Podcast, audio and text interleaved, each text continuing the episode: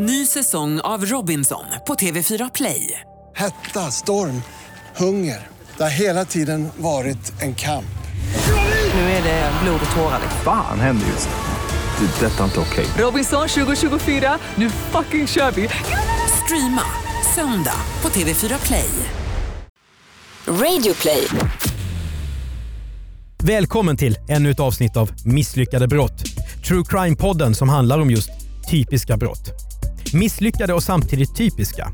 Ja, för kriminella som planerar, rekognoserar och blir rika på en lyckad stöt, ja, de möter vi faktiskt mest på film. Men i verklighetens kriminalitet så råder det kortsiktighet och kaos.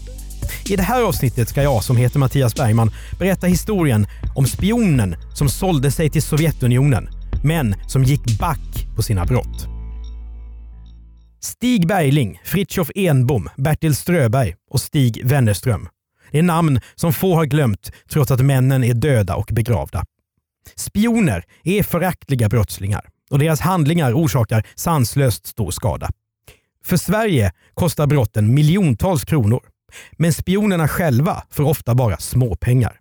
Och det var någonting som Ernst Hilding Andersson, även kallad marinspionen, skulle bli varse.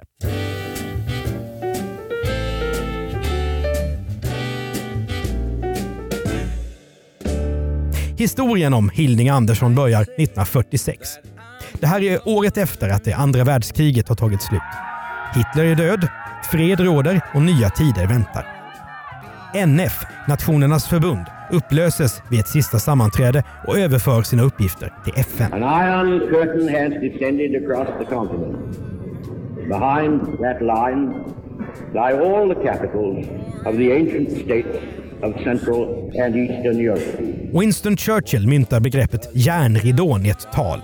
Och uppställningen är klar för det kalla kriget. Väst mot öst. USA och Europa mot Sovjetväldet som också har makten i de östeuropeiska länderna.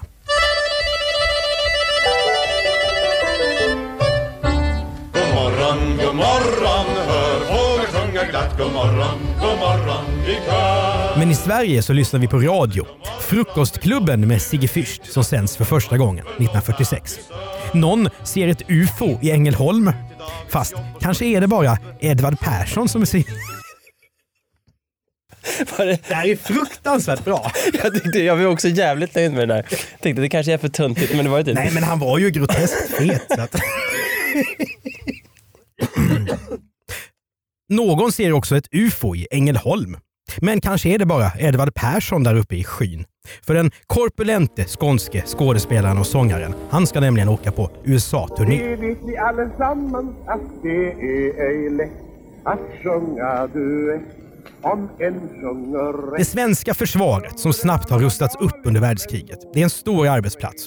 Och Ernst Hilding Andersson är en av de anställda. Han är flaggunderofficer i flottan, men långt ifrån någon amiral. Eftersom han är maskinist så har han också graden flaggmaskinist. Hösten 1946 är dramatisk i Stockholm. Då härjar nämligen Sabbatsabotören i stan. En liga som sprider skräck med en serie sprängningar. Och Det har vi berättat om i ett annat avsnitt av den här podden. Samtidigt pågår ett personligt drama i det tysta. För hösten 1946 kommer också livet att helt förändras för Hilding Andersson. Han är 37 år gammal och lär under den här tiden på något sätt känna en utlänning som presenterar sig som Konstantin Vinogradov. Han är legationssekreterare vid den sovjetiska ambassaden i Stockholm. Men det är bara en täckmantel. För i själva verket är den här diplomatens uppgift att värva agenter. På hösten 1946 blir Hilding Andersson hembjuden till Sovjetens bostad på Gärdet i Stockholm. Han är den enda gästen och han blir väl omhändertagen. Maten är god och Vinogradov är på sovjetiskt maner ännu mer generös med alkoholen. De två männen börjar prata jobb. Sovjeten ställer frågor om svenska flottans fartyg och annat. Även om frågorna är allmänt hållna så förstår Andersson vad syftet med den här middagen är. Vinogradov vill att Andersson ska bli sovjetisk agent, alltså spion, och lämna ut hemliga uppgifter om Sverige. Och Det här insåg svensken redan innan han åkte till middagen. Och han har bestämt sig för att tacka ja. För Hilding Andersson är övertygad kommunist och står på Sovjetunionens sida i världspolitiken. så han är med på tåget. Hilding Andersson bjuds på fler middagar av kamrat Konstantin. För det tar tid att värva spioner. Sovjeten ger honom också presenter. Tre, fyra flaskor med vin och sprit. Att ge bort alkohol är förresten typiskt för när den fruktade sovjetiska underrättelsetjänsten MGB värvar spioner i väst. Först får de vodka, sen får de konjak. Och då är den nya agenten rekryterad och klar. Vid en av bjudningarna har Vinogradov också bjudit in en tredje person. En man som presenterar sig som Viktor Anisimov. Han arbetar för den sovjetiska nyhetsbyrån TASS. Precis som förra gången så är maten god och det bjuds generöst på sprit. Vinogradov berättar att han snart ska lämna Stockholm och lämnar liksom över stafettpinnen till den nya kontakten, Anisimov. Andersson och Anisimov möts flera gånger på diskreta promenader och cykelturer. Och deras relation fördjupas. Det är som att de två har börjat att dejta. Och så är det på sätt och vis också. Men det här är inget gulligt tindrande i folkhemmet utan handlar om spioneri. Ett högmålsbrott som hör till de allvarligaste man kan begå. Den som har tagits som spion tidigare har riskerat dödsstraff till och med i Sverige. Men först i slutet av 1949, tre år efter den första kontakten, så får Andersson en direkt fråga av Anisimov om han kan tänka sig att ta reda på några saker åt honom. Det här är det första av sju uppdrag som marinspionen kommer att utföra innan han åker fast. Och de följer alla samma mönster. Svensken får ett antal frågor som han ska besvara. Sedan går han pedantiskt tillväga för att utföra sitt uppdrag och levererar svaren skriftligt till sovjeterna. Det första uppdraget utgörs av tre frågor som Andersson får på en papperslapp. 1. Vilka fartyg ligger inne på Stockholms örlogsstation? Den ligger på Skeppsholmen och Djurgården där vi brukar gå söndagspromenader idag. 2. Vilka ombyggnadsplaner och omstationeringar är att vänta? 3. Vilka örlogsstationer finns i kustflottan och vilka fartyg ingår där? Anisimov ger inte Andersson några närmare instruktioner om hur han ska ta reda på svaren på frågorna. Kanske är det här första uppdraget mer ett slags test för att se om svensken är av det rätta virket. Och Hilding Andersson är kallblodig. Han går mycket noggrant tillväga. Under tiden som han arbetar med sitt uppdrag gör han stolpanteckningar på ett särskilt papper, vilka sedan utgör grunden för slutrapporten. En del av svaren på de här tre frågorna, ja, de har Andersson redan tillgång till genom sitt jobb i flottan. Det han inte vet, det lyckas han snoka reda på genom att ställa frågor till sina kollegor. Eller ja, han är mer slug än så. För att inte väcka misstankar slänger Andersson då och då ur sig felaktiga påståenden som kollegorna rättar, vilket ger honom svar på en del av frågorna. När Hilding Andersson tycker att han har all information som behövs sätter han sig vid skrivmaskinen ombord på jagaren Romulus där han då är stationerad. Han skriver en rapport på 3-4 A4-sidor. I december 1949 åker han hem till Anisimov och lämnar över rapporten. Officer Andersson har blivit spion. Ny säsong av Robinson på TV4 Play. Hetta, storm, hunger. Det har hela tiden varit en kamp. Nu är det blod och tårar. Fan händer just det. Det är detta inte okej. Robinson 2024, nu fucking kör vi! Streama söndag på TV4 Play. Ett poddtips från Podplay. I podden Något Kaiko garanterar östgötarna Brutti och jag, Davva, dig en stor dos skratt. Där följer jag pladask för köttätandet igen. Man är lite som en jävla vampyr. Man har fått lite blodsmak och då måste man ha mer. Udda spaningar, fängslande anekdoter och en och annan arg rant. Jag måste ha mitt kaffe på morgonen för annars är jag ingen trevlig människa. Då är du ingen trevlig människa, punkt. Något Kaiko, hör du på Podplay. Därför är gardinerna. Vi presenteras den här veckan av Dagens Nyheter, Sveriges, kan man säga, viktigaste morgontidning. Det tindrar lite i ögonen på dig när du säger det Mattias. Kan det bero på att du jobbade på Dagens Nyheter i hur många år? Sju år gjorde jag det. Sju år. Du var fortfarande klädd i svart, du gled omkring och bestämde och där lades också grunden till vårt samarbete eftersom jag frilansade för dig. Ja, det var roligt och eh, inte bara för att vi träffades. Eh, men när jag säger Dagens Nyheter Sveriges viktigaste tidning så menar jag ju det också på det sättet att det finns ju ingen opinionsbildande sida eller ledarsida som man liksom kommer runt. Nej, man kan väl säga att andra medier är besatta av Dagens Nyheter. Kanske mer än vad DNs läsare är besatta av Dagens Nyheter. Men det har blivit någon slags nav i mediesverige. Andra medier hänger nästan alltid på DN i princip varje dag. Men det finns ju andra som du har jobbat med där mer än mig. Ja, nej men, eh, jag tänkte att jag skulle slå ett slag för en favoritskribent som heter Johan Hilton som jag tycker är väldigt duktig kulturskribent. Johan tycker jag är väldigt duktig, läser honom alltid, blir sällan besviken och och när- om man ändå har fått upp ångan i att läsa Hilton-texter så kan man också läsa hans bok om huvudrollsinnehavaren i filmen Psycho som jag nu har glömt namnet på. Anthony Perkins. Just det, precis så. Den är också väldigt bra om man nu vill eh, överdosera Hilton. Om man går in på dn.se misslyckade brott och registrerar sig som digital prenumerant så får man de första fem veckorna gratis. De ingår. Det betyder mängder av Dagens Nyheters innehåll i hur mycket man vill, alla artiklar på dn.se och dessutom är DN, alltså papperstidningen, i digitalt format första 30 dagarna. Gör det redan nu och glöm inte läsa Johan Hilton.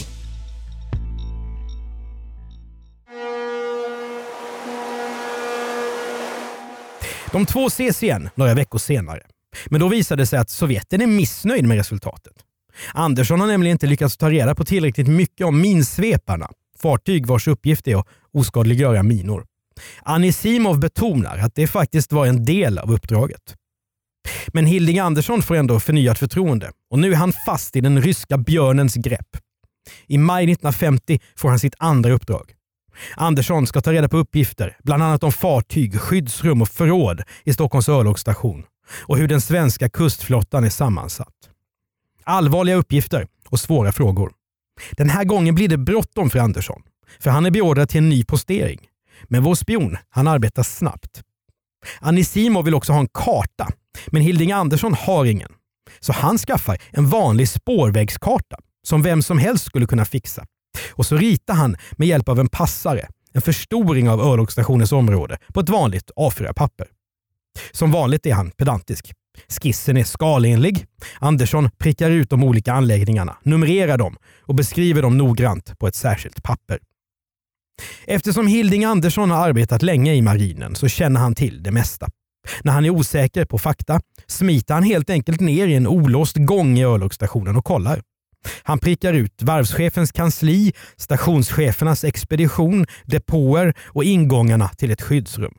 Och inte bara det, utan också avståndet mellan de olika dörrarna i varje ingång. Hur tjocka dörrarna är. Om de är gastäta eller inte. Han noterar också tjockleken på skyddsrummets tak. Den nya rapporten blir ganska omfattande. 7-8 sidor. Men den här gången är marinspionen extra försiktig. Texten och kartskissen framställer han med osynlig skrift.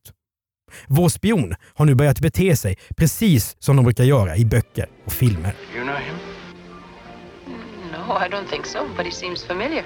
Captain Prescott, intelligence man. He's down here as part of the Washington espionage. The American embassy is loaded with them. Really? Hey, he's rather handsome, isn't he? I'm allergic to American agents. Vi vet inte om marinspionen har varit på bio och sett Ingrid Bergman i Hitchcocks agentthriller Notorious. Men hans drivkraft kan säkert vara densamma som många andra spioners. Spänning och bekräftelse. Hittills har han inte ens fått betalt av sovjeterna. Men han har fått uppskattning. Och de hemliga uppdragen gör att han känner sig viktig och i det dolda gör en insats för världsfreden. De hemliga mötena med Viktor Anisimov följer ett system som är som tagna ur en film. Hilding Andersson och kontakten ses alltid klockan åtta på kvällen på en avsides belägen plats i Stockholm. Denna varieras och bestäms från gång till gång. När Andersson dyker upp så ska han ha en portfölj i handen. Snäpplåset på portföljen ska vara riktat utåt, fullt synligt. I portföljen ska spionen ha en pappersrulle placerad på ett sätt så att den sticker upp lite grann ur portföljen. Den sovjetiska kontaktpersonen ska komma fram till Andersson och sen ska de ge sig till känna genom kod, som rena James Bond-filmen. Orden 42, 55, Ester och Malmö ska ingå i det de först säger. Så här till exempel. Är du med mig? Ja. Går buss 42 här? Nej, det är buss 55 som går här. Hur mår Ester? Hon är för närvarande i Malmö. Därefter kan de tala öppet.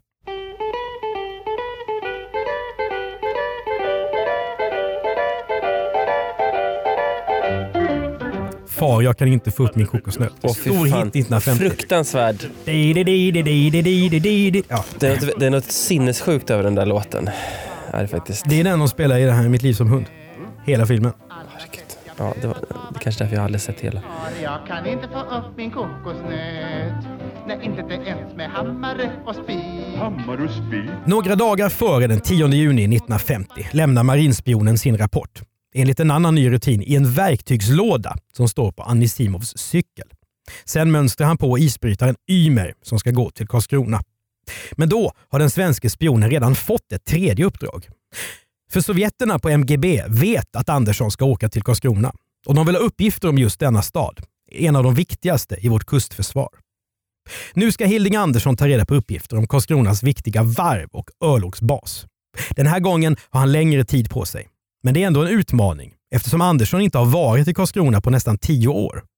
Samtidigt gör det att han utan att väcka misstankar kan fråga sina kollegor om vad som har hänt där de senaste åren. Till en början använder marinspionen sina lunchraster för att gå runt på varvet och lägga olika detaljer på minnet. Han skaffar kartor och sjökort över Karlskronaområdet. De studerar han mycket noggrant. Såklart, för det här är ju en man som inte slarvar.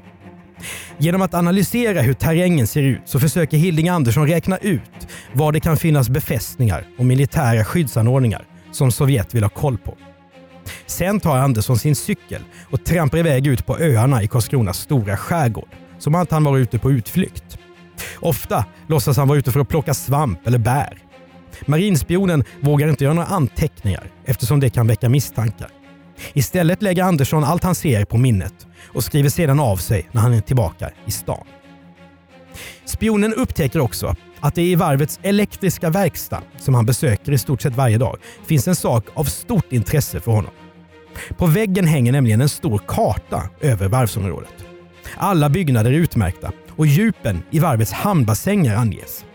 Kartan är, som det senare står i domen från Stockholms rådhusrätt, synnerligen minutiöst ritad. Och det passar ju en pedant som Hilding Andersson. På den här kartan finns också en stor del av Karlskrona stad utmärkt. Sammanlagt 600 detaljer med teckenförklaringar inprickade. Andersson står länge och tittar på kartan. Men inte ens han klarar av att lägga alla detaljer på minnet. Att låna kartan, ja det går inte heller. Men då får marinspionen en idé. Han berättar för verkstadsarbetarna, pillemausarna, att det är svårt för honom och kollegorna som är på besök från Stockholm att hitta inne på varvet. Precis som Andersson har hoppats på så erbjuder verkstadsarbetarna dem att låna kartan. Den placeras mot en vägg vid däcksmässen ombord på Ymer. Nu har Hilding Andersson möjlighet att kopiera kartan. Men hur ska han gå tillväga? Först tänker han fotografera av den. Men det finns ju inga smartphones direkt 1950 och Andersson är osäker på om kvaliteten kommer bli tillräckligt bra med en sån kamera som han kan få tag på. Istället bestämmer han sig för att kalkera kartan. Problemet är att den är så stor så han får göra en tredjedel i taget och tvingas använda en stor mängd papper varje gång. Det här är riktigt pilligt och tidsödande. Dessutom måste marinspionen se till att han inte blir avslöjad.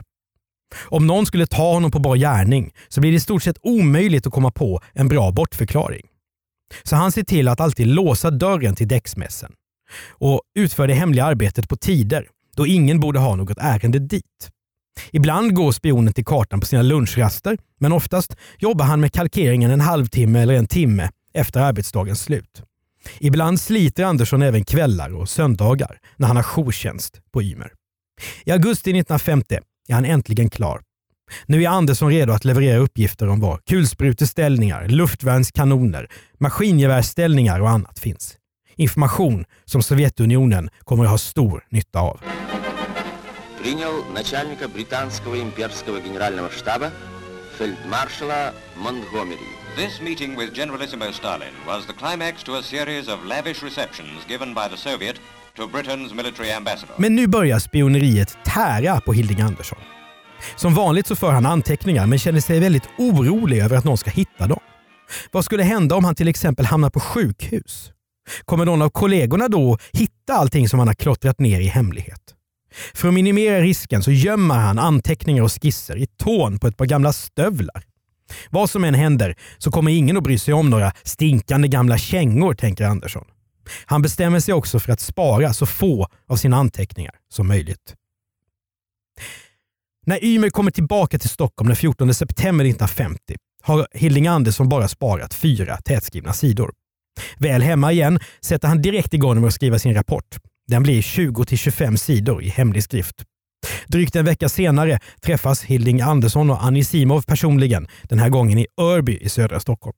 De promenerar i skogen och där lämnar spionen över materialet till sin uppdragsgivare. Vid nästa möte berättar Sovjeten att han senare i höst eller på våren året därpå kommer att lämna Sverige. Efterträdaren kommer att bli en man som är väl insatt i verksamheten. Uppdragen till Andersson fortsätter komma. Han lämnar ut uppgifter om vilka fartyg som ligger för ankar vid Stockholms örlogsstation, hur den svenska kustflottan är sammansatt och vilka fartyg som finns på andra örlogsstationer. När spionen sedan åter mönstrar på Ymer, den här gången med färd norrut, så har han fått order att ta reda på uppgifter om hamnar och landstigningsplatser i norra Sverige.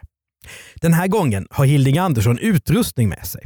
För vid senaste mötet med Anisimov så hade Sovjeten med sig en småbildskamera och visade hur man ska använda en sån.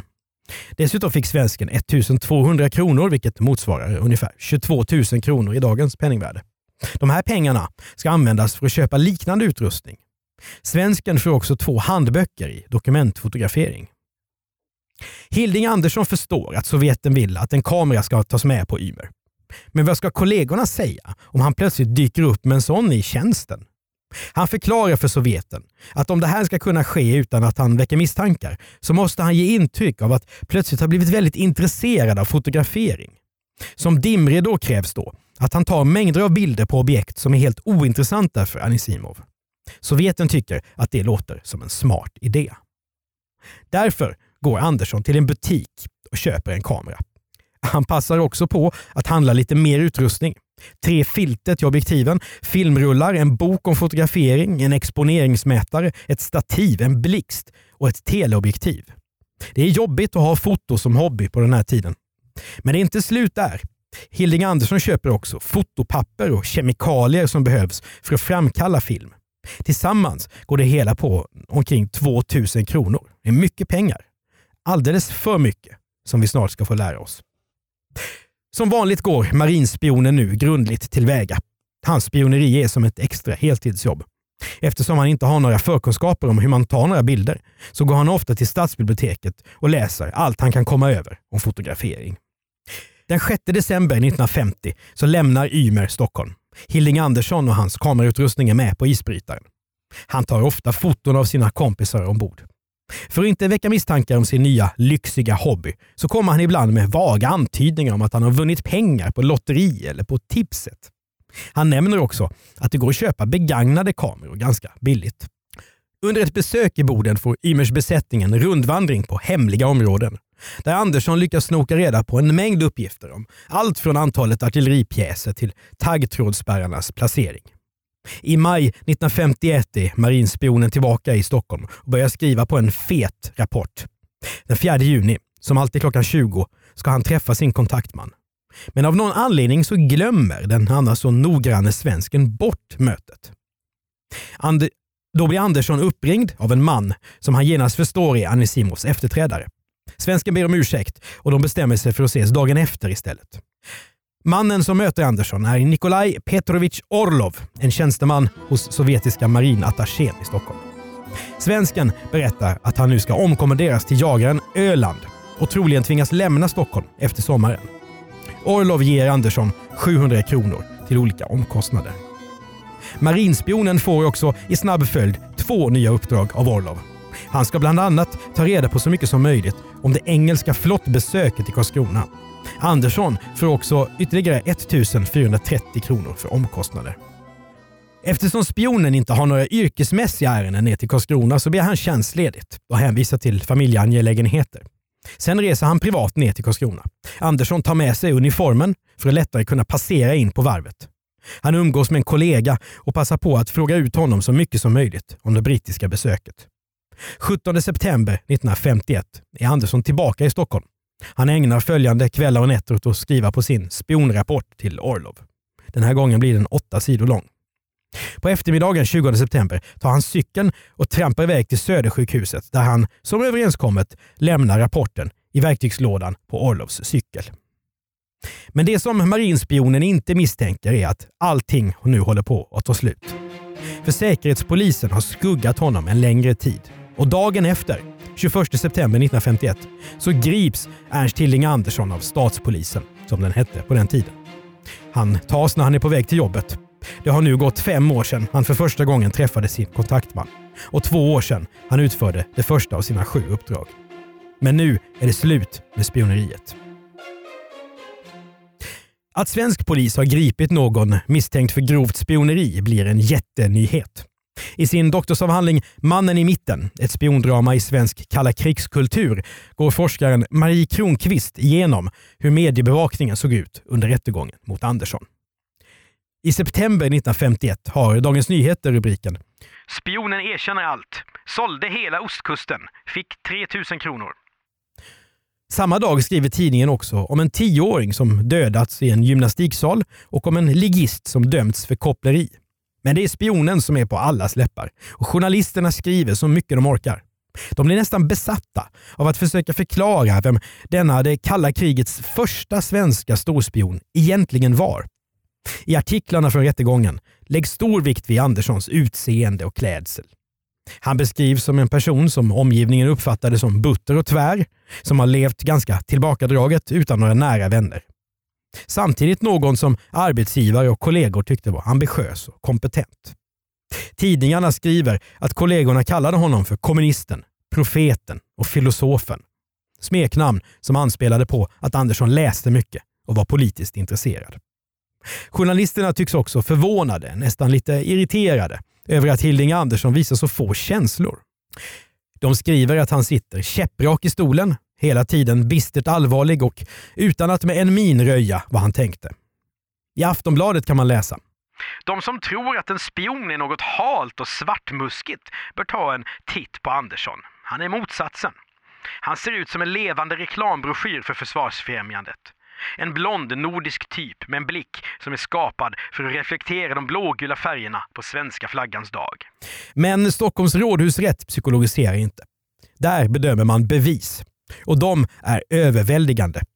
I november 1951 döms vår komplett misslyckade brottsling Hilding Andersson till livstids straffarbete för, som det heter, synnerligen grovt spioneri och olovlig underrättelseverksamhet med åsidosättande av den anklagades tjänsteplikt som underofficer vid flottan. Hälften av domskälen hemligstämplas till och med i 60 år. Så känsliga var uppgifterna som Andersson lämnat ut till främmande makt. Hans brott kostar miljontals kronor för Försvarsmakten att städa upp efter, skriver tidningarna. Det som chockar journalisterna mest är att Hilding Andersson inte verkar ångra sig. Han är en ideologiskt driven spion. Han hade länge stört sig på sin egen regerings krypande för NATO och väst. Och Han säger i rättegången att han är övertygad om att det snart kommer att bli krig igen. Så när Andersson, den övertygade kommunisten, gav Sovjetunionen hemliga uppgifter om Sverige så trodde han att det var bäst för världsfreden. Idag är Ernst Hilding Andersson död, men han kommer för alltid att vara ihågkommen som en misslyckad brottsling. Under sin tid som spion fick han ungefär 3000 kronor av sina sovjetiska kontaktmän. Men hans utgifter för att kunna spionera de var högre än vad han tjänade. Bara kamerautrustningen kostade 2000 kronor. Och hur många brottslingar kan säga att de har gått back efter flera års kriminalitet? Du har hört Misslyckade brott med mig som heter Mattias Bergman och gör den här podden tillsammans med Andreas Utterström. Och Mattias, ja. här bryter jag in för att fråga dig, vad händer den 7 juni? Då, det är ju dagen efter nationaldagen. Och dagen då Misslyckade brott-boken kommer som man kan gå in och läsa mer om på misslyckadebrott.se och det går bra att förhandsbeställa den redan nu. 11 fall av våra favoriter. Jajamän. Som vi tror kan bli bra sommarläsning. Absolut. Exekutiv producent av podden är Jonas Lindskov. En ny podd från Radio Play som jag gärna vill tipsa om är Mod, framtidens ledarskap. Journalisten Kattis Ahlström, som du har sett och hört, möter tio personer som alla har sin unika väg till framgång. Hur blir de bättre ledare och vad är modernt ledarskap? Mod, framtidens ledarskap finns att lyssna på i Radio Play-appen eller där poddar finns. Den här podden Misslyckade brott blir vi jätteglada om du vill betygsätta i iTunes eller skriva en liten recension av. Och om du vill tipsa oss om eh, case som vi borde berätta om så mejla gärna till misslyckadebrott@bplus.se. Tack för nu. Ny säsong av Robinson på TV4 Play. Hetta, storm, hunger. Det har hela tiden varit en kamp. Nu är det blod och tårar. Fan händer just det. Det. är Detta är inte okej. Robinson 2024, nu fucking kör vi! Streama söndag på TV4 Play.